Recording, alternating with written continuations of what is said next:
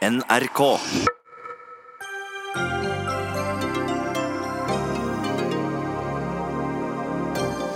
En av landets rikeste menn kritiserer både regjeringens skattepolitikk og SVs. Milliardær Øystein Stray Spetalen forklarer politikerne hvordan norsk skattepolitikk burde ha vært.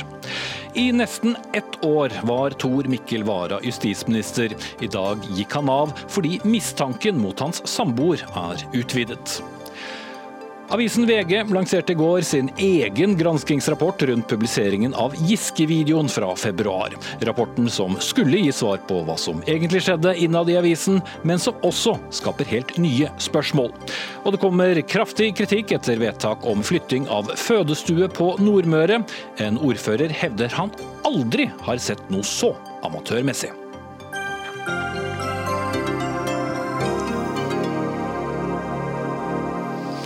Sier vi god kveld og velkommen til Dagsnytt 18 med Espen Aas. VGs nyhetsredaktør Tora B. Håndlykken venter utenfor studio for å svare i detalj om hvordan avisen behandlet saken rundt den seks sekunder lange videoen av Trond Giske som danset på en bar i Oslo. Men helt først så skal vi til investor og milliardær Øystein Stray Spetalen, som i dagens VG tar et ganske saftig oppgjør med det norske skattesystemet, og angriper både Høyre og SV på følgende måte. Høyres skattepolitikk gjør at noen rike knapt betaler skatt, mens andre betaler alt. Mens SV sørger for flere fornøyde Nav-klienter. Og Spetalen, for øvrig nummer 85 på Kapitals liste over Norges rikeste i fjor, er det rett og slett det tøffeste laget å være milliardær om dagen? Nei, det er jo ikke tøft å være milliardær. Men jeg tror alle som er med et spill, og, og som driver med investeringer, de vil ha like regler for alle. Og når reglene er urettferdige, så må man eh, reagere. Mm. La oss eh, begynne da med, med SV og uh, Lysbakken, uh, som du kritiserer bl.a. for å sende, gjøre flere til Nav-klienter. Så lenge han er i opposisjon, er han vel ikke mer enn en irritasjon for deg, så hvorfor angrepet? Økonomisk politikken og den politiske politikken til SV. Hvis man ser de eksemplene i verden hvor det har vært gjennomført, de politiske eksperimentene, så har det endt med at alle har fått det like dårlig. Som f.eks.? Venezuela, som var et av hans eh, største politiske idealsamfunn for eh, ti år siden. For Han sa at den bolivanske revolusjonen i Venezuela var en kjempesuksess. Og Når vi ser i dag, så er jo landet totalt fallitt, og det er jo ikke knapt brød eller medisiner. Mm. Men det gikk ikke fullt så, så, ille da SV satt med finansministeren i uh, mange år? Eller? Nei, men uh, nå kan vi si at finanspolitikken i Norge det er jo bare noen komma man flytter på fram og tilbake. Heldigvis har vi mange flinke folk i Finansdepartementet som lager de store linjene. Så politikerne klarer heldigvis ikke å ødelegge for mye. Mm. Men da vi snakket sammen tidligere i dag, så sa du at i Norge så må vi tåle misunnelse. Hva ligger i det? Ja, problemet er at vi har jo et eh, kapitalistisk system i Norge. Og det kapitalistiske systemet har jo vist seg å være suverent i det man kaller å skape et velferdsgoder for alle. Og eh, I det kapitalistiske system så er det faktisk slik at noen lykkes veldig mye og klarer å skape store former ut fra det. Og eh, Det vi må tåle, er at noen får disse formuene. Men vi får selvfølgelig sørge for at de også betaler skatt, og rettferdig skatt.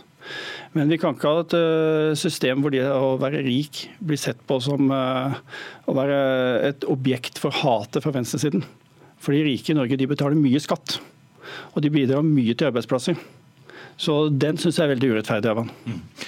Ja, Audun Lysbakken, du er med oss på linje fra Gardermoen. Dere skal ha landsmøte der i morgen. Ta på deg hodetelefonen under bordet der, Spetalen, så får du høre Lysbakken. Du sa tidligere i dag på, på Twitter at du, du ble glad for Spetalens angrep. Hvordan da?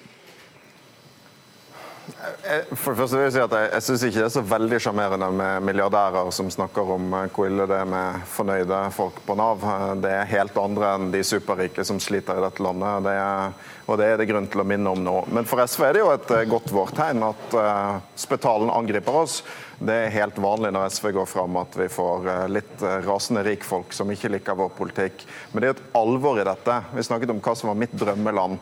Mitt drømmeland er Norge. Det Det fins knapt noe land i verden som har så mye sosialisme i seg som Norge. Norge ble bygd som et samfunn for de mange, ikke for de få på toppen. Og Det er det som står på spill nå når ulikheten øker og de rike drar ifra. Og Hvis en hører for mye på spitalen istedenfor å høre på vanlige folk, så ender vi opp med f.eks. et urettferdig skattesystem hvor vanlige folk nå opplever at Det som de rikeste henter sine inntekter fra, store formuer, store direktørlønninger, høy arv osv., skattes mindre og mindre eller null, mens vanlige folk sitt arbeid skattes høyt. Det er ikke en god måte å bygge et eh, samfunn på. Ja, Lysbakken er selvfølgelig uten tall, som alltid sosialister er.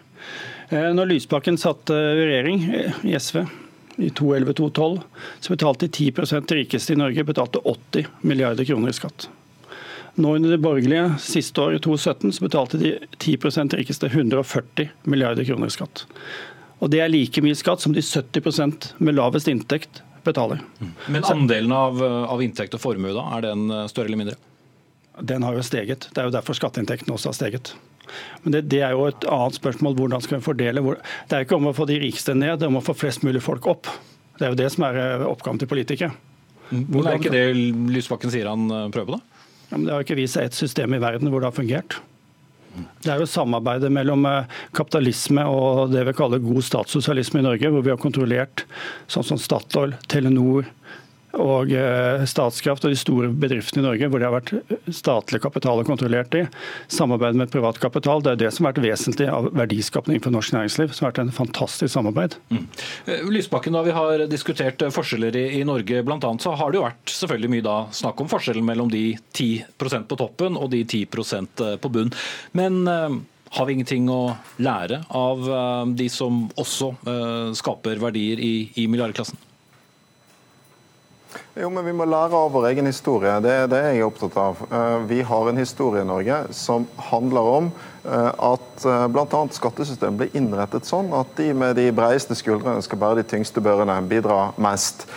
Og Spetalen er selektiv med sine tall. Jeg har nemlig masse tall. SV la fram en rapport denne uken full av tall som viser hvordan ulikheten i makt og rikdom øker i landet vårt. Fordi de rikeste drar ifra.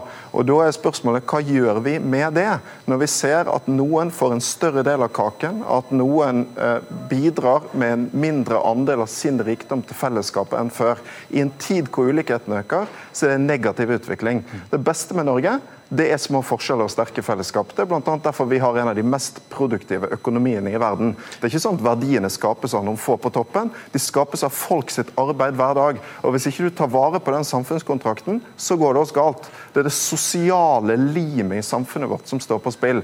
Og Derfor så burde også folk som Spetalen og de på toppen av det norske samfunnet ta den økende ulikheten mye mer på alvor enn det de gjør i dag. Ja, men Mye av det Lysbakken sier er riktig, men problemet er hvordan vi skal løse det. Jeg, de, de, rike, hvis du går for hardt etter de, så slutter de å jobbe. Og eh, Derfor må vi ha et skattesystem som gjør at intensiverer de til å jobbe og skape. Mm. Når du sier slutter å jobbe, hva, hva mener du konkret da? Ja, hvis du bare flytter fra Norge, så selger du alt du har. Så kan du leve et eller annet sted du ikke gjør noen ting. Og så kan noen andre ta arbeidsplassen, selge arbeidsplassen til noen andre, eller bare ta verdien og så dra et annet sted. Det er jo det problemet er. Altså, du kan jo flytte i dag på et sekund til et annet land, hvis du vil det, og ikke være nullskattyter. Så Vi ser eksempler på skipsredere som kjører cruiseskip oppover kysten, og som bor i Sveits og benytter seg av norske fjorder for å selge turistpakker. Så det er klart at det er en utvikling for å være et feil skattesystem. Hadde vi hatt et rettferdig skattesystem, så hadde den Torstein Hagen bodd i Norge. Poenget er at vi har et urettferdig skattesystem som gjør at enkelte rike må betale mye, og enkelte rike slipper helt unna. Mm. Du har også angrepet da eh, høyresiden, og du sa bl.a. På, på telefonen eh, i dag at Høyre ikke har gjort noe på seks år i regjering på dette. Konkret, hva betyr det? Det er gjort veldig små justeringer. Det som er eh, en veldig stor urettferdighet i Norge, det er jo formuesskatten. Nå, jeg, nå tar ikke jeg en debatt om formuesskatten skal fjernes eller ikke. Jeg bare prøver enkelt å forklare hvordan formuesskatten i Norge er. Det er at de som investerer i arbeidsplasser og bedrifter, de har da full verdsetting av sin bedrift. Så da verdsettes 100% Mens en som driver med boligspekulasjon og eiendomsspekulasjon, han har en vesentlig reduksjon i verdien av eiendom som gjør at han er tilnærmet null skattyter. Fordi det er en ligningsverdi og ikke markedsverdi? Jeg skal ta et eksempel. Hvis vi tar en av de som jeg har sittet i styret med mange år, som heter Gustav Witzøe, som er i SalMar, oppdrettsselskapet. Han har investert enorme milliardbeløp i Norge i videreforedling av fisk, istedenfor å legge det i utlandet. Han betaler hvert år 250 millioner kroner kun i formuesskatt, i tillegg til overskudd av bedriften. Eh, hvis vi tar Ivar Tollefsen, som driver med ren boligspekulasjon, som har anslått av kapital med samme formue, betaler rundt 15 millioner kroner. Med samme formue. For han driver med boligspekulasjon, men han som driver med industri og ansatt arbeid, han må betale 250 millioner formuesskatt. Og det har jeg spurt Høyre, hvorfor har de ikke rettet opp i dette her? Og så en ting, hvis all, hvis all, verdi på eiendom ble lik de aksjene vi har, så ville provenyet fra formuesskatten gå fra 70 milliarder til ca. 50 milliarder. Så skal skatte hardere? Må skatte rettferdig. Det er ikke rettferdig skattesystem, det er problemet. Henrik Asheim, du har sittet eh, stille og lyttet. Du er stortingsrepresentant for Høyre og leder av eh, finanskomiteen. Eh, ja, Høyre er jo partiet for de rike, pleier SV å si, men ikke for alle? Hvis vi er det, så er det mange rike mennesker i Norge. For oppslutningen tilsier at det er langt flere enn det som stemmer på Høyre. Men, men jeg har jo sagt til VG i dag også at jeg syns Betalen har noen gode poenger. og jeg mener at Vi må ha en diskusjon i Norge om hva som er en smart beskatning fremover for å bygge industri, arbeidsplasser, næringsliv for fremtiden. Men jeg mener at det, er litt, som han nevner. Ja, for jeg mener det er litt urimelig å si at vi ikke har gjort noen ting. Eh, fordi det vi har gjort ja. Bitte, bitte litt. Ja, men ok. Men jeg mener vi har gjort mer enn bitte, bitte litt. Og jeg tror hvis Lysbakken blir spurt, så tror jeg han mener vi har gjort altfor mye. Så, så, det er greit. Det vi har reelt gjort, det er at vi har innført en rabatt på aksjer, det du har på formuesskatt, på faktisk arbeidsplasser i bedriften din. Og så har vi redusert rabatten på næringseiendom. Men det som du argumenterer for, det er å si at all eiendom skal skattes for 100% av verdien sin. Og at vi da med den logikken foreløpig i hvert fall beholder formuesskatten. Det ville bety, og det er grunnen til at provenyet blir så høyt, eller at skatteinntektene øker så mye på formuesskatt med den modellen, at veldig mange helt vanlige folk ville måtte betale formuesskatt av boligen sin. Og Noe av det vi har vært veldig opptatt av, det er at det er en verdi i seg selv at mange nordmenn eier sin egen bolig. og Dette er en annen måte å innføre nasjonal eiendomsskatt på, og den har Høyre alltid vært og kommer alltid til å være imot. Ja, men De er jo helt enig i at vanlige folk skal ikke ramme formuesskatten. Nå snakker jeg om det ultrarike. Jeg snakker ikke om en person som har spart dem hele livet og har en eiendom på 5-10 millioner kroner. Han skal ikke betale formuesskatt av den, det er bare å heve bunnfradraget. Det er jo en person her som heter Ibar Tollefsen som har 25 milliarder, milliarder formue. Han er nullskattyter. Mens en som, som driver med boligspekulasjon, og en som driver med industri, industri og næring i distriktene med samme formue, som aldri har solgt en aksje noen gang. Han har 250 millioner i formuesskatt som han må ta ut av bedriften og hindre investeringer. Hvorfor har ikke rettet opp? Ikke, ikke ta opp disse vanlige folk, for det er ikke de man er ute etter skatte. For det er bare å heve bunnfradraget. De skal ikke ha noe formuesskatt i hele tatt. Det. Problemet i Norge er at vi har et skattesystem som er, gjør det mulig å være nullskattyter med enorme formuer og inntekter som ikke har tetta inn. Men det, dette vi, altså Før vi kom til makten, faktisk mens Lysbakken fortsatt styrte, så var det en 60% rabatt på eiendom for, i formuesskatten. Nå er den redusert til 20% og det er sånn at Som politiker så står man i noen dilemmaer som man slipper å tenke på som investor. For eksempel, Det finnes en hel del næringsdrivende i Norge som er avhengig av eiendom for å drive. For eksempel har jeg hatt møte med veldig mange distriktshoteller som sier at jeg trenger jo faktisk areal. Altså Jeg trenger ikke bare hotellrom, men jeg trenger også en bar, jeg trenger konferanselokale, jeg trenger alle disse tingene. Det vil da øke skatten på en del av de distriktsarbeidsplassene vi ønsker oss. Så jeg mener at Mye av det vi har gjort er riktig, nemlig ved å sørge for at vi vrir beskatning både fra arbeid og investeringer til forbruk. Så har vi økt utbytteskatten, men redusert selskapsskatten. Alt dette er jo ting som også næringslivet har bedt oss om å gjøre. Det er ikke sånn at vi sitter bare inne på Høyres hus og finner på ting. Vi har også møter både med de som driver bedrift i Norge, og med NHO f.eks. Mm. Før du får svaret, Spetalen, så vil jeg gjerne ha inn uh, Lysbakken fra Gardermoen igjen. Jeg, uh, hvem er du mest uh, enig med her? Med Asheim eller med, med Spetalen?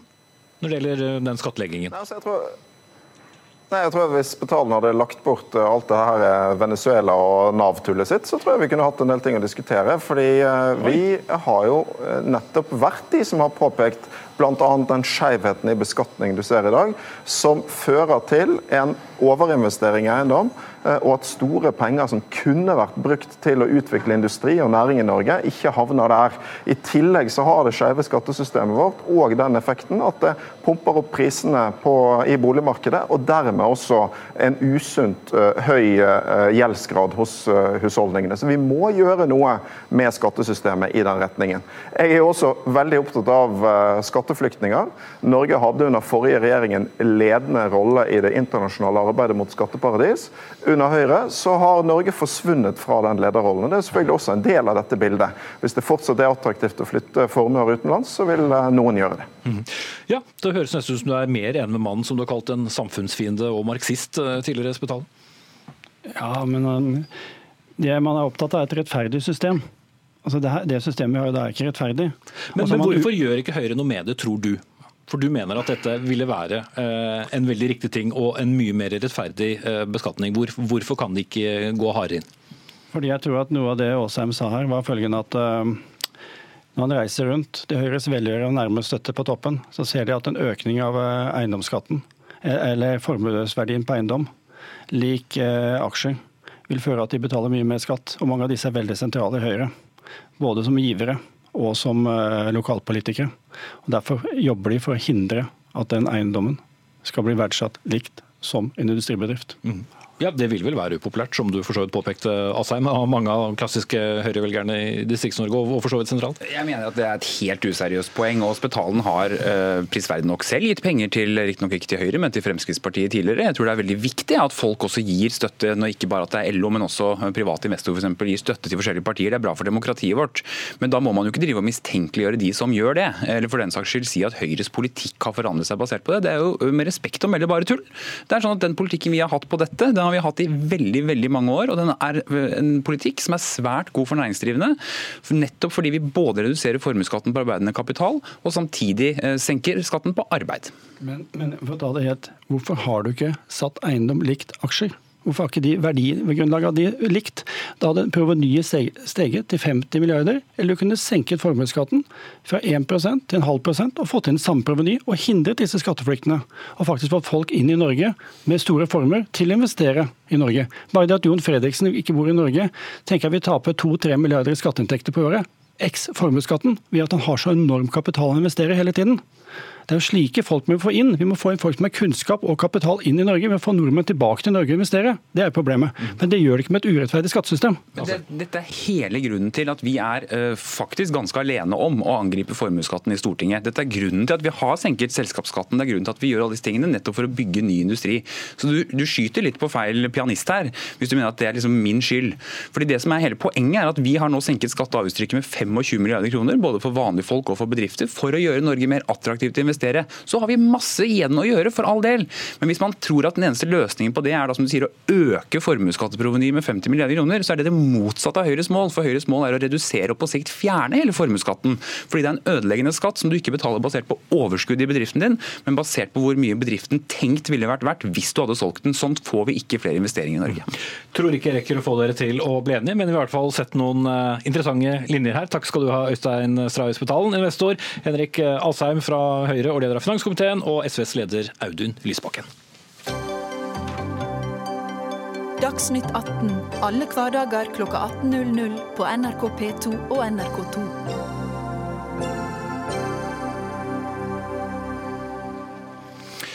Det var en eh, noe annerledes forside på VG i dag.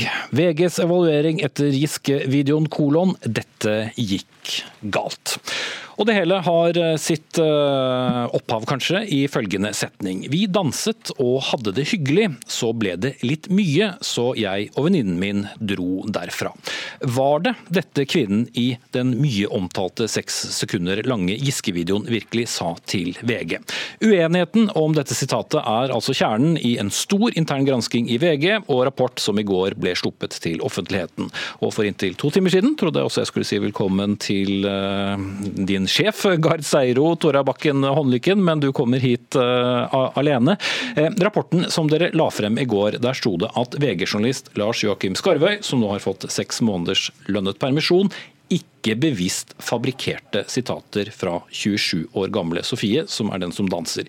I en e-post til Dagens Næringslivs nettutgave i dag, så sier du likevel sitat Vi tror på Sofie, hun er konsistent og troverdig i alt hun beskriver. Det er utøvd et utilbørlig press, stilt ledende spørsmål, og sitatet er åpenbart ikke dekkende for hva hun mener, altså sitatet er innledet med. Henger de to tingene sammen, rapporten i går og det du sier i den e-posten? Eh, ja, vi mener Det vi har gjort i den rapporten her, er jo eh, prøve fra alle sider å belyse det som har skjedd. Eh, og så er det sånn at det er noen møter hvor det bare har vært de to til stede. Og Derfor sier vi at vi finner ikke grunnlag for å si at sitatet er fabrikkert, men vi tror på Sofie. Og For vår del så handler det om at hun har gitt Som sier at hun ikke har sagt det. Ja, og så er Det sånn at det vi har avdekka, og som journalisten erkjenner, er at han har pressa han har stilt ledende spørsmål, og så legger vi til grunn at uh, hun uh, sier at hun trekker sitatet, hun vil ikke medvirke. Uh, og det er der vi har svikta. For når vi får den tilbakemeldingen, ja, da skal ikke det sitatet på trykk. Mm. Det er ikke, Når sitatet gis under sånne omstendigheter, så skal det ikke trykkes i VG. Mm. Så i klartekst, eh, så er det, hvis du kan svare ja eller nei på det, sa Sofie at det ble litt mye? Jeg var ikke i det rommet, og det var ikke du heller. Eh, sånn at Det vi har gjort her, er å prøve å avdekke eh, gjennom å hente inn dokumentasjon fra alle mulige hold, hva som skjer i den saken her. Og Det som ligger til grunn, eh, og som vi, har, eh, eh, som vi har sagt, er at vi tror på den historien som Sofie sier. og Derfor skulle det sitatet aldri vært på trykk i VG. Og det beklager vi. Jeg beklager det overfor Sofie. Hun har ikke blitt behandla bra av VG. Mm. Men var det et altså, Mener du at sitatet kan ha falt og senere ble trukket, eller ble det aldri sagt? For meg er ikke det egentlig vesentlig. For Som journalist i den situasjonen så skal du være opptatt av at, uh, av at intervjuobjektet ditt står inne for det, du, for det du siterer på. Uh, og Det gjør jo opplagt ikke Sofie. Hun, kort tid etter at vi publiserer vår sak, så går Sofie ut og gir en annen versjon til NRK. Og Allerede der så blir det klart, og hun sender tekstmelding til VG om det. Og vi skulle selvfølgelig trukket det sitatet allerede da. Mm. Eh, du har jo selv snakket med henne, og ifølge rapporten deres så sa hun til deg sitat eh, Ingen liker vel en full 50-åring som henger over ryggen. Var det så langt unna det som hun sa til Skarvøy? Poenget eh, som vi ikke evner å få fram i den saken, er at hun opplever situasjonen som uproblematisk. Vi setter en ramme på den saken som ikke er riktig ut fra Sofies opplevelser. Det er vårt ansvar.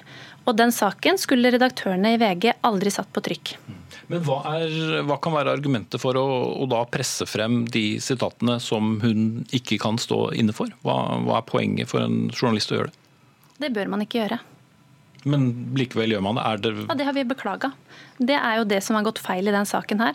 At vi har satt hun under et press. At vi har stilt ledende spørsmål, og det er ikke greit. I går kveld så ble Lars Joakim Skarve intervjuet her i NRK, og brukte da noen nye formuleringer fra sine samtaler med eh, Sofie. Eh, Bl.a. at hun brukte litt ubehagelig og litt ekkel. og Det er også referert til i deres eh, rapport. Eh, det intervjuet som Skarve gjorde eh, med NRK, vel også Medier 24 i går, var det klarert og ønsket fra VGs ledelse? Nei. Det er ikke holdbart at han sier det han sier i den settingen, for vi har trukket det sitatet. Eh, og Det at det framkommer i vår rapport, handler om at vi eh, går inn på det for å vise arbeidsmetodikken vår. Nettopp for å kunne være kritisk til oss sjøl. Det er jo hele beveggrunnen for at vi har laga den evalueringa her. Det er at vi skal gå inn og se kritisk på, de, eh, på, på, hva vi har gjort og hva som går feil. Og det er i den konteksten at det står i rapporten. Mm.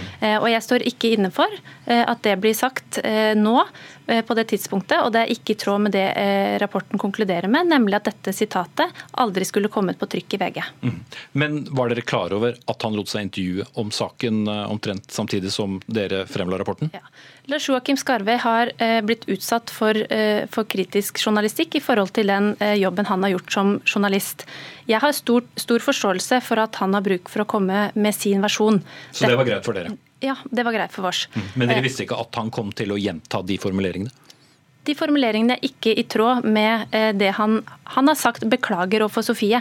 Og når du sier 'beklager', så, eh, så mener jeg at det, i det så må det ligge at, eh, at, han erkjenner at det sitatet ikke skulle vært på trykk. Mm. Er det en forverring av forholdet mellom Skarvøy og VG? Det er ikke holdbart, i hvert fall at han går ut og sier det. Mm. La oss da ta en liten pust, og så går vi litt tilbake i tid. Og dere som følger dere med her hjemme, vi er klar over at eh, det kan være litt krevende å følge med, så vi skal prøve å gjøre det så enkelt eh, som mulig. Men før dere da publiserte eh, denne saken, så refereres det til nyhetssjef på altså ikke deg, men den som styrte saken, som heter Eva Therese Grøttum, som da sier til journalist Lars Joakim Skarvøy OK, bra at vi får se den, og viser da til videoen. Bare pass på at vi ikke skal styre dette. Hun må jo selv vurdere situasjonen. Og så, I hennes redegjørelse så skriver Grøttum da 21.3 at hun bare ville forsikre seg om at kvinnen blir godt ivaretatt og ikke presset, som vel er i tråd med det du sier. Men det eneste jeg da lurer på, fryktet dere på forhånd at hun ville bli presset? Her mener jeg at Eva Therese Grøttum gjør jobben sin. Hun skal jo følge opp journalistene, passe på at vi ivaretar eh, intervjuobjektene. Eh, og det er jo det ledelse handler om. Det handler om å forsikre seg om eh, at, eh, at, vi følger de standarder som vi skal gjøre. Jo, det er vi enige om, men, men var det da en frykt på forhånd at hun ville bli presset, siden dette ble presisert? Fordi jeg vet jo også det når jeg går ut som journalist, at jeg ikke skal, skal presse noen og ivareta eh, et intervjuobjekt. Men siden dette ble poengtert fra det som var nyhetsleder? Ja, Det tenker jeg er eh, helt riktig Eva Therese Grøtte må gjøre i den sammenhengen. Og, og, gi den tydelige tilbakemeldingen på at når vi i en sånn type sak skal snakke med en person som ikke er vant med å, å eh, bli intervjua av journalister, så skal vi passe på at, at, at, det hun sier er det hun mener, og at hun står for det. Så det, Men, så, så handlet, det handlet om situasjonen og ikke at det var den journalisten som skulle gjøre intervju? Jeg går ut fra at det handler om den situasjonen. Jeg var ikke til stede eh, da de orda falt. Men det er jo jobben til Eva Therese Grøttum som reportasjeleder, er jo å sikre at eh, journalistene eh, håndterer de ulike situasjonene som man kommer i, som kan være krevende som journalist også, på en god måte. Mm. Et annet spørsmål er jo på hvilket tidspunkt din sjef, VGs sjefredaktør Gard Seiro, som også egentlig skulle komme hit i dag, visste at Sofie ikke ikke ønsket å medvirke til saken, slik hun da skrev til journalist Skarvøy i en SMS dagen før dere publiserte. Eh, når visste Seiro om, om eh, hennes innvending? Eh, eh, det som er helt tydelig, som er et av de hovedfunnene i den evalueringa som vi har gjort, er jo at det kommer at Sofie gir ettertrykkelig beskjed etter at eh, vi har publisert vår sak, at hun har gjentatte ganger gitt beskjed om at hun ikke ønska å bli sitert på det hun blir sitert på. Og Så går det to uh, samtaler. Den, nå er vi inne i veldig detaljer her, men dette er en torsdag kveld. og så er det også en samtale fredag. Ja, men det jeg bare lurer på er om, om Steiro først ble klar over dette etter publisering, eller var han klar over at hun hadde hatt innvendinger overfor Skarvøy før publisering? Fordi hun skrev jo til ham at hun ikke uh, ville stå inne for det. På det punktet som Steiro uh, går videre med saken og sier at den skal publiseres, uh, så er hans opplevelse, sånn som han har sagt i, i, den gjennomgangen vi har hatt, at dette var et sitat som var godkjent, og at saken var opplest og var noe hun sto inne for. Så der er det en glipp i kommunikasjonen, helt tydelig, og som er et av de kritiske funnene. Så han visste ikke om innvendingen før etter publisering? Han tror at dette er en eh, opplest sak som er godkjent av intervjuobjektet når den settes på trykk. Mm. For det, Grunnen til at jeg spør om dette, og det er jo veldig sentralt, mm. selvsagt, for I rapporten så refereres det til denne SMS-en som Skarvøy fikk. Mm. Men det refereres også til en SMS som blir lest opp på morgenmøtet ti timer før dere publiserer saken. Og da lurer jeg på, Er det den tekstmeldingen der Sofie sa hun ikke ønsket eh, å medvirke?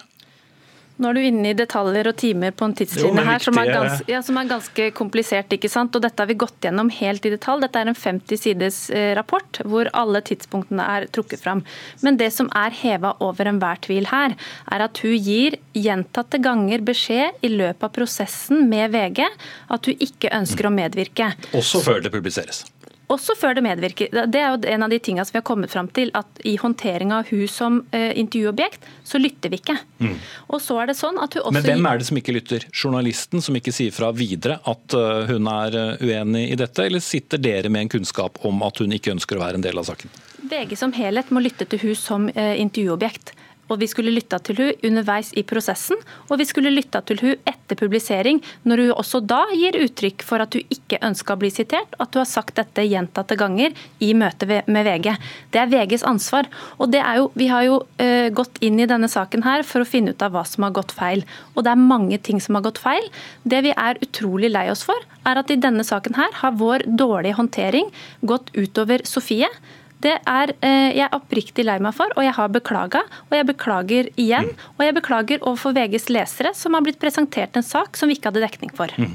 Grunnen til at jeg spør om dette så mange ganger, er jo at jeg mener det må være veldig viktig om hvem som visste hva før selve publiseringen. Ikke minst fordi det var Gahr Steiro selv som var på jobb torsdag 21.2, da saken om videoen ble publisert, og var han som godkjente sitatet. Og bare for å mase om det en siste gang, jeg forstår deg da rett i at han ikke visste at hun hadde en innsigelse eh, på dette sitatet som sto på trykk? På publiseringstidspunktet så tror Gahr Steiro at denne saken er opplest og godkjent av intervjuobjektet. Det han sier i, eh, i de samtalene vi har hatt i forbindelse med denne gjennomgangen, er at da NRK kommer med sin eh, sak bare kort tid etter VG sin sak, så går jo da kvinnene i rette VG sin sak. Mm. Og Det Gard Steiro uttaler da, er at da blir han veldig overraska. Han tror at dette er en sak som kvinnene står inne for. Ellers så hadde han jo selvfølgelig ikke publisert den saken. Og Den er basert på kommunikasjonen som din øverste redaktør hadde med journalistene som skrev saken, for det var jo også flere som skrev den. Den er basert på en hel del. For dette her har vi både innhenta kommunikasjon fra det tidspunktet, vi har snakka med de involverte flere ganger, og vi har gjort det vi kunne for å gå inn i alle detaljer som det er mulig å finne ut av for å belyse dette. Og dette gjør vi jo fordi at vi tar saken veldig alvorlig. Vi har begått feil, det er vi veldig lei oss for. Og det vi kan gjøre da, er å finne ut av hva som har skjedd gærent, og så må vi lære av de feilene som vi har gjort. Mm. Men Skarvøy sa også torsdag 21.2, eh, står det sitert, sitert unnskyld, i rapporten, at kvinnen var usikker. Det er riktig? Ja, det, han, eh, det, har, det er riktig. Mm. Mm. Var ikke det et, eh, en liten varselbjelle? Jo, selvfølgelig er det en varselbjelle. Det er jo det som er eh, ille i den saken her, er at vi ikke har lytta på det Sofie har prøvd gjentatte ganger å si til oss, om at hun ikke kjente seg igjen i, eh, i, i den måten vi framstilte det på. Og det skulle vi hørt på mye tidligere, og vi skulle hørt på hun etter publisering også. Og vi er veldig lei oss for at Sofie har møtt VG på en sånn måte. Det møter ikke VG-standarden. Mm. Så blir det en fredag, lørdag, søndag. Så gir Gard Seiro et intervju til Medie24, og så kommer han hit til Dagsnytt 18 og forteller da at eh, den kontakten mellom deres journalist og kvinnen har vært ugrei, og han tar selvkritikk eh, på prosessen. Dagen etter så kommer politisk redaktør Hanne Skartveit til debatten her i NRK, og så forsikrer hun at kvinnen var gjengitt korrekt. Men da har jo det Gahr Steiro lurt på den gjengivelsen i flere dager. Hvordan kunne hun komme hit og si det? Hanne hadde ikke fått den informasjonen som hun trengte når hun sto her. Selv etter så mange dager? Sjøl etter så mange dager, ja. Og Det er jo en av de andre tinga. Som jeg sier, det er ikke én ting som har gått feil i denne saken, det er en serie med feil. Eh, og de bygger eh, på hverandre også. Men Hva baserte så, hennes informasjon seg på da? Hun hadde mangelfull informasjon, hun hadde ikke fått den informasjonen. Mm. Så hun kom til debatten uten å være informert? Ja. Mm. Så er det jo en del spørsmål som stilles rundt det. Men likevel så går det nå fire uker før da TV 2 publiserer sitt intervju med Sofie, mm. der hun forteller åpent om sin opplevelse av møtet med deres journalist. Men sett med dine og VGs øyne, var det egentlig noe nytt i det TV 2-intervjuet? Var det noe der som ikke dere visste fra før? Vi hadde snakka med Sofie eh, inngående på det tidspunktet. Eh, så skal det sies at eh, Vår internevaluering starter jo ikke med TV 2 sin sak. I slutten av februar så starter vi, når vi får kjennskap til de, den prosessen som Sofie har hatt med VG, så starter vi på eget initiativ, selvfølgelig, mm. en evaluering av den feil av de feilene som, som, vi så allerede på det tidspunktet at vi hadde gjort. Og eh, Sofie har eh, hele veien vært ærlig og åpen eh, med VG om hvordan hun har opplevd møtet med vårs. Det setter vi veldig stor pris på, og det har vi brukt uavhengig av det søkelyset som vi har fått på vars, for å ettergå hvilke feil vi har gjort, og prøve å rette opp i de. Mm. Grunnen til at jeg spør om det, er nemlig at det var først etter at TV 2-saken fikk store oppslag, at bl.a. den nevnte journalisten da ble tatt av med å jobbe eh, politiske saker. Så hvorfor skjedde det først da, og ikke f.eks. en eller to uker tidligere? Fordi da sto vi i en prosess hvor vi skulle kartlegge. Så det, det sammenfalt? TV 2s publisering og, og, deres egen kartlegging som ga grunn til å ta journalisten av politisk jobbing? Nei, altså Rapporten har jo først blitt lagt fram nå, og i den avsluttende fasen av den saken. Det kommer jo også fram eh, noen nye opplysninger i forbindelse med TV 2 sin dekning av saken. Og så er det sånn at I den avsluttende fasen der, så har eh, Lars Joakim Skarvøy og de andre som har jobba med den saken, vært tilgjengelig for ledelsen for at vi skulle eh, ettergå det. Og så er det jo forskjell på den prosessen vi hadde, som var en intern evaluering, og som var håndtert som det. Etter TV 2 sin sak så bestilte VGs styreleder Torry Pedersen en eh, større evaluering som også skulle offentliggjøres. Mm, og da var det, som vi så i går. og Da var det behov for oss å gjøre ytterligere undersøkelser. Og Konklusjonen kom i går, og den er at VG har svikta på en rekke områder. og Det er vi veldig veldig lei oss for. Mm. Klubbleder i VG, Tor Eiling Tømt Ruud, kommenterte kort overfor NRK i går at eh, det er paradoksalt at det er journalisten som må ta permisjon, om enn med lønn, men ikke den øverste ansvarlig. Er du enig i de som stusser over det? I den evalueringa vi har gjort, så har, gått, eh, har, det ikke ligget i mitt mandat eh, å se på, eh, se på øverste ansvarlig, Gard Steiro sin stilling, for det ligger til VGs styre. Mm. Men Hvis du hadde dekket en tilsvarende sak i VG, så ville det vært et naturlig spørsmål å stille hvorfor det er den nederst som må gå, og ikke folk høyere opp i systemet? Eh, så er det sånn at eh, Skarve har vi sagt at vi, kan, vi, er enige om at vi kan kommunisere rundt de eh, konsekvensene som har fått for han. Han har fått seks måneders permisjon, og i den perioden så skal vi avklare hvilken rolle han skal komme tilbake til. Hva gjelder, hva gjelder Torry Pedersens beslutning rundt Gard Steiro, så ligger det til han å ta en avgjørelse rundt det, og det har ikke ligget til det mandatet jeg har fått når jeg har gått inn i, inn i sakens hjerne. Mm. For kort tid siden så ble Gard Seiro kåret til eh, årets redaktør, men det er kanskje ikke det beste året dere nå legger bak dere? Eh, Gard Steiro er en sterk journalistisk leder. Jeg opplever at han har stor tillit i redaksjonen i VG. Og jeg er sikker på at han er den rette for å få oss igjennom den kritiske situasjonen som vi nå står i, og som alle på VG-huset tar på det største alvor. Mm. Tora Bakken Håndlykken, takk skal du ha.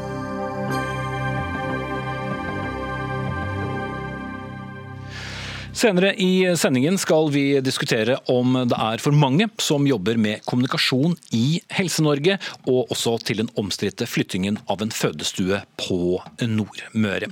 Men det var også litt av en annen historie som eh, sprakk i dag. Justisminister Tor Mikkel Wara varslet nemlig at han går av som justisminister. Samtidig blir det kjent at samboeren, Laila Anita Bertheussen, har fått status som mistenkt i samtlige saker knyttet til parets bolig, bortsett fra en sak hvor hun allerede var siktet for å ha satt fyr på justisministerens bil. Vara han tiltrådte som justisminister 4.4 i fjor, og rakk dermed å sitte i nesten et år. Frøy Gulbrandsen, politisk redaktør i Bergens Tidende. Et stort prestisjenederlag for Erna, skriver du i din avis. Hvor alvorlig er denne saken nå blitt for regjeringen? Nei, Det er et tap for eh, Erna Solberg og for eh, regjeringen at han må gå. fordi Han har vært den dyktigste justisministeren eh, som har vært så lenge regjeringen har sittet. Og Det har også vært et problem at det har vært veldig hyppige skifter av justisministre. Og, og derfor så, Når man nå hadde fått på plass en justisminister som både folk i Frp i Høyre, i de andre regjeringspartiene og kanskje også mange utenfor har hatt stor tiltro til, så er det selvfølgelig et tap at han må gå. Og det er jo en ganske spesiell sak. Så ja, det er eh, et tap. Ved din side sitter vår politiske kommentator Magnus Takvam. Men altså, hva var årsaken til at Vara gikk av? Var det denne siste tilspissingen, altså den utvidede mistanken til PST til hans samboer, eller ville han gått av uansett? Han uh, ville ha gått av uansett, så det var uh, et sammenfall i tid mellom de to nyhetene. Uh, innkallingen til, regjeringens pressekonferanse kom litt før PST varslet om den nye utviklingen i saken mot samboeren. Slik at det framsto vel for de fleste som om det var en årsakssammenheng der, men altså den lønnede permisjonstiden for Vara var nå mot slutten, og de hadde da avgjort, og Wara hadde selv, eh, var jo den som ba om det, eh, hadde da bestemt seg allerede for å, for å gå av. Eh, og årsaken til det er selvfølgelig en kombinasjon av den voldsomme belastningen en sånn sak er for han og hans familie, men også forholdet som leder av Justisdepartementet og forholdet til PST, som Justisdepartementet er overordnet. Det ville vært helt umulig eh, å komme tilbake til justisministerjobben pga. det. Mm. Eh, Gudbrandsen, vil da en slik sak få noen innvirkning på regjeringen, eller blir det nå bare en, en ren saksbehandling inntil videre? Så fortsetter da Jon Georg Dale å fungere også som justisminister, i, i tillegg til å være samferdselsminister? Uh, altså på et eller annet tidspunkt så kommer det en uh, ny justisminister. Uh, og det store spørsmålet er jo da får Frp beholde posten? eller blir det sånn som mange i Høyre vil, at det endelig blir Høyres tur til å ta over? jeg tror Frp kommer til å fortsette, men det er jo uhyre viktig å finne en justisminister som er på samme nivå som det Vara har vært. Eh, og noe av det som har vært Varas styrke, er jo at han um, har klart å måtte, dempe konfliktene. Um, på et felt som har skapt utrolig mye eh, spenninger i regjeringen før. Sånn at det er, Hvem det skal bli, det er jo ikke godt å si, men det er, det er jo det som er det vanskelige nå. For det ville Magnus Takvam vært et eh, nederlag for Frp om de måtte gi fra seg eh, denne posten? Ja, de har jo prioritert å ha justisfeltet helt fra dag én. Både pga. innvandringspolitikk, men også pga. justispolitikk, politi osv. Eh, som er kjerneområdet for Frp.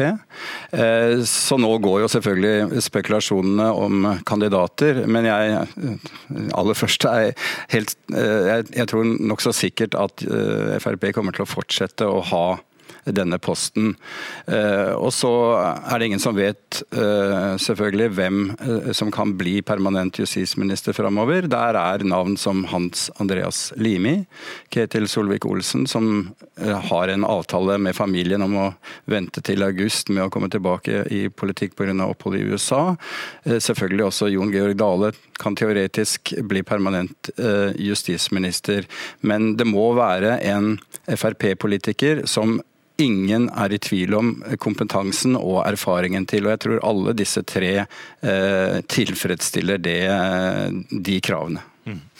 Eh, Gudbrandsen, Varas avgang er også et lite stykke politisk eh, historie, på hvilken måte? Altså det, eh, politik, altså statsråder går jo av på, på måte, de underligste saker, og, men ofte så handler det jo om noe som er relatert til eh, politikk, eller eh, et eller annet de har gjort selv på en eller annen slags måte. Men dette, hele denne saken er jo helt unik. Det finnes jo ikke en egen kategori for denne type statsrådavganger. Det er jo en uvanlig dramatisk sak. Så det vi i hvert fall kan si med sikkerhet, at dette er jo ikke denne gangen så handler det jo ikke om eh, problemer med Frp eller eh, manglende kompetanse hos justisministeren. Det er en eh, helt annen og uvanlig årsak denne gangen. Mm. Og, og Magnus Akvam, eh, til slutt, Det har vel også medført at det har vært relativt stille på opposisjonens side også når det gjelder denne saken, sammenlignet med langt eh, mer høylytte avganger eh, innenfor justisfeltet? Ja, opplagt. Det jeg har registrert av uttalelser fra andre partier, eh, er slik du, du sier det, mer eh, si, sympati med eh, Vara fra ulike politiske hold. Så, så de prøver ikke å politisere denne saken, fordi det ikke er noe grunnlag for det, og det vil i så fall slå tilbake på dem selv. Det eneste er selvfølgelig f.eks. Arbeiderpartiet påpeker at det må komme en ny og permanent justisminister raskt pga. alvor og viktigheten i selve jobben. Eh, og da får vi vente hvor, og se hvor mange dager det går før vi, før vi får den nyheten. Takk skal du ha, Magnus Takvam, politisk kommentator her i NRK, og takk til Frøy Gudbrandsen, politisk redaktør redaktør i Bergenstidene.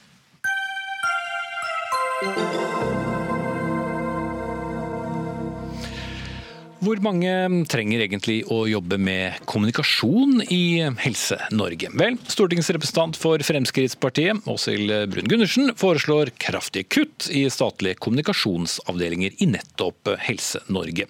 Til Dagbladet sier hun at staten bør kvitte seg med 48 åtte stillinger for å bruke ressursene på andre områder.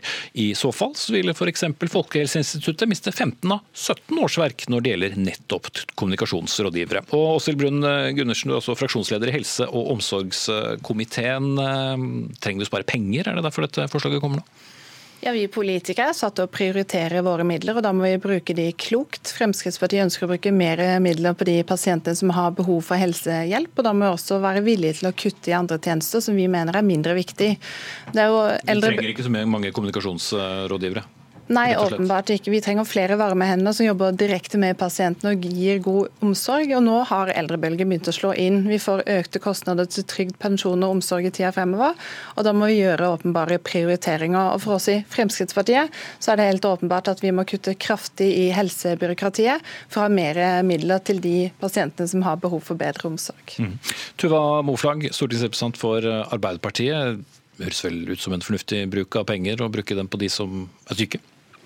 Det er vi selvfølgelig helt enig i. og Derfor så har jo Arbeiderpartiet 1,65 milliarder mer enn Fremskrittspartiet i vårt alternative budsjett til sykehusene. Mm, så vi Fordi... bare putte bare inn mer penger istedenfor å spare inn på det vi har? Absolutt ikke, men vi eh, er faktisk nødt til å se på hva disse folka gjør. Jeg syns det er oppsiktsvekkende at representanten fra Frp nærmest gir 48 eh, ansatte i sitt eget byråkrati eh, sparken i media, mens regjeringa sjøl faktisk har 75 statssekretærer og politiske rådgivere, så verdsetter man ikke verdien av arbeidet til disse 48 eh, kommunikasjonsmedarbeiderne.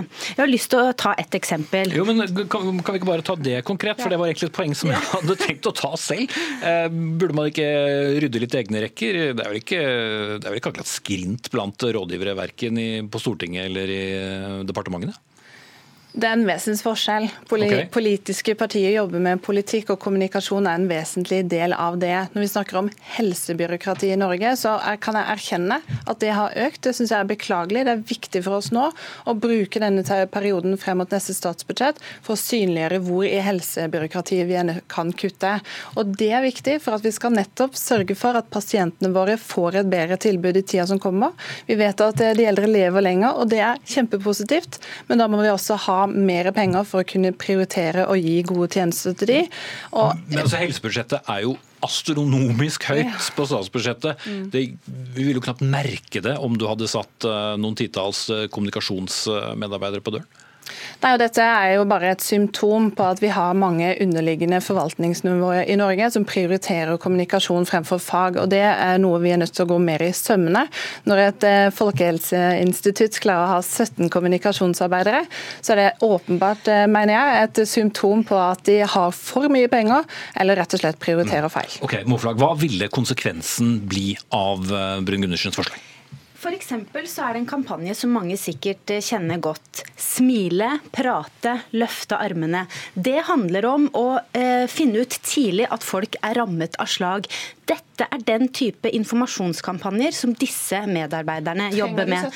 Dette handler om å redde liv, det handler om forebygging, noe Frp ofte ikke har så veldig mye sansen for. Men de har okay. sjøl lagt fram en hudsk, hud, hudkreftstrategi hvor en av de viktigste virkemidlene for å få ned hudkreft er nettopp en informasjonskampanje. Ja. Det er Brun Gundersens egen kollega i departementet. Mm. Men må man da ha heltidsansatte som kun jobber med det, eller kan de som er fagpersoner også bruke en del av tiden sin på det? Ja, altså Kommunikasjon er også et fag. Eh, og jeg tenker at eh, Her er det fagpersoner som jobber med forskning og utvikling, som har en håndfull kollegaer som jobber med å få den viktige informasjonen som forskerne eh, kommer fram til, ut til folk på en god og forståelig måte.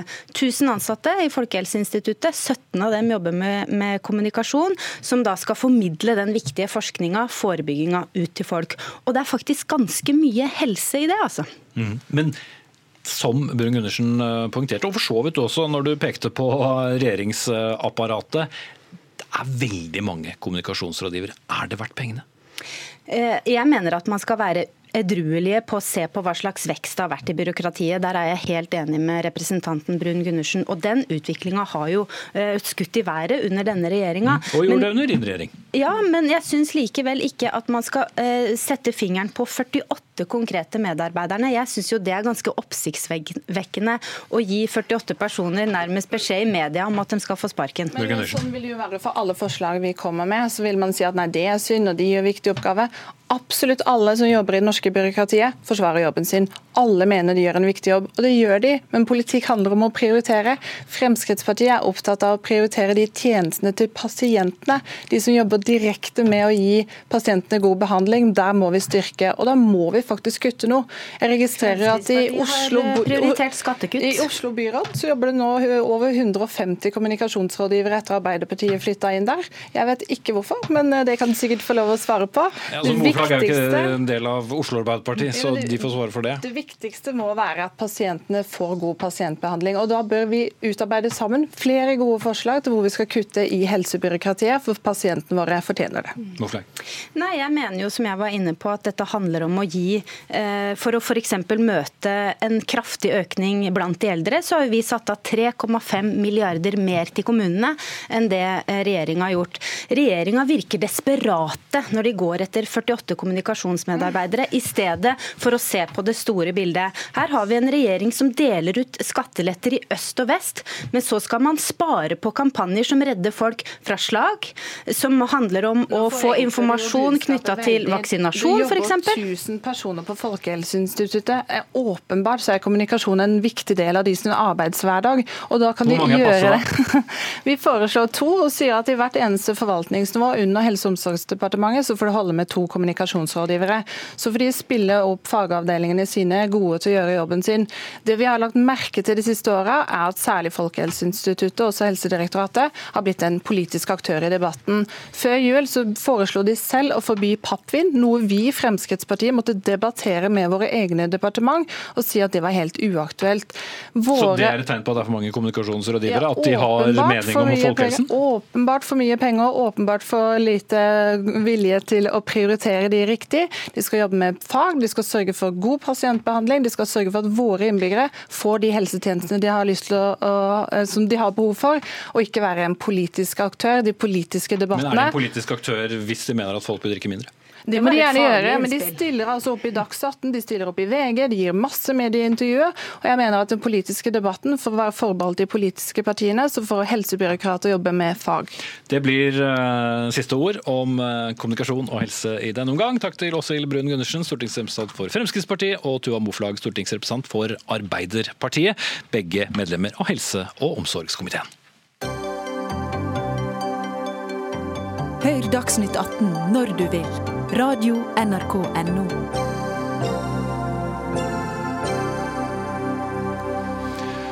Men eh, vi skal ikke gi oss med helsetilbud, for det er vi alle veldig opptatt av på forskjellige eh, nivåer i livet. Og Fødeavdelingen i Kristiansund den legges nå ned for å bli slått sammen med tilbudet i Molde. Det ble vedtatt eh, i Helse Møre og Romsdal i går.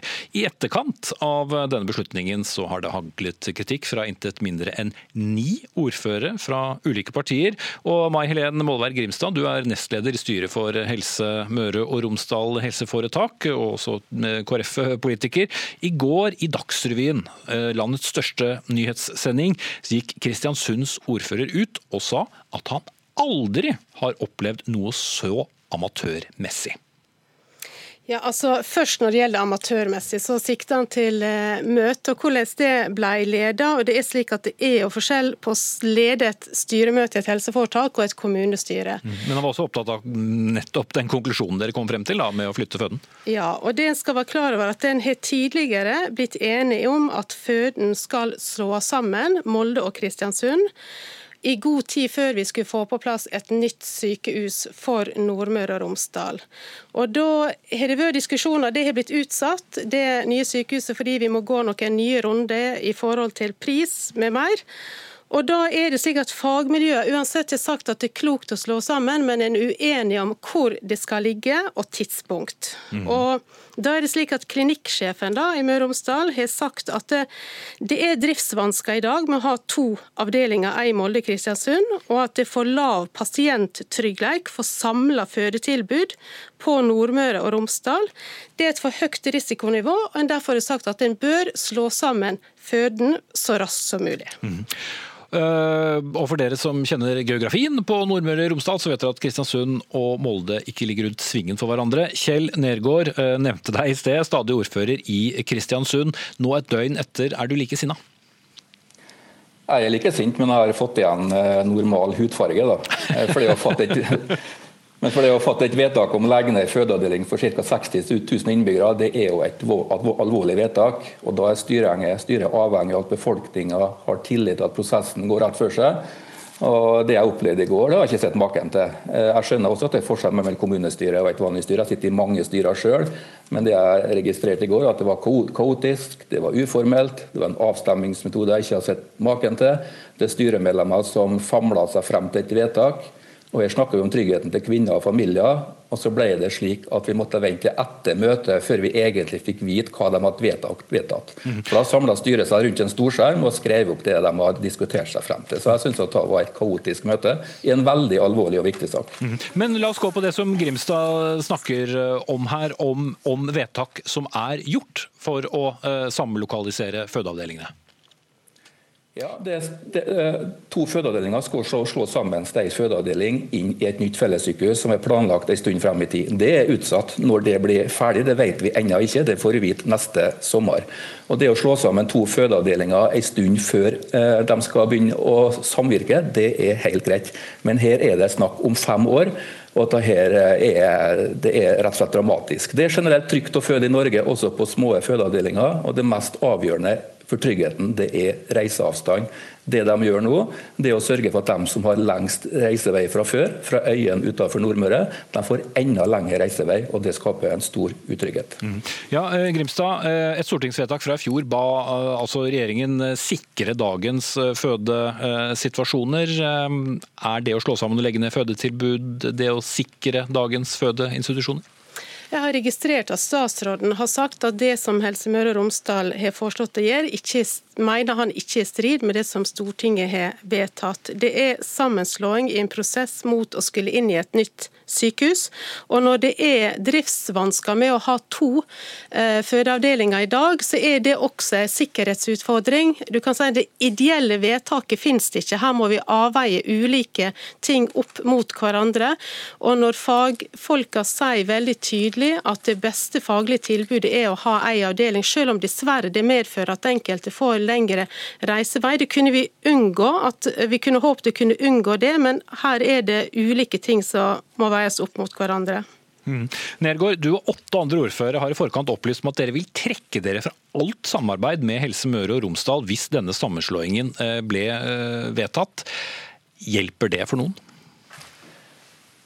Ja, altså vi er rett og slett, Jeg har brukt ordet drittlei tidligere, det kan jeg gjerne si nå. Altså, vi, er, vi, er, lei av å tape kamper. og Vi tapte nå også. og Så får vi beskjed om at ja, dere har tapt noen ganger, men vi må jo fortsette å samarbeide.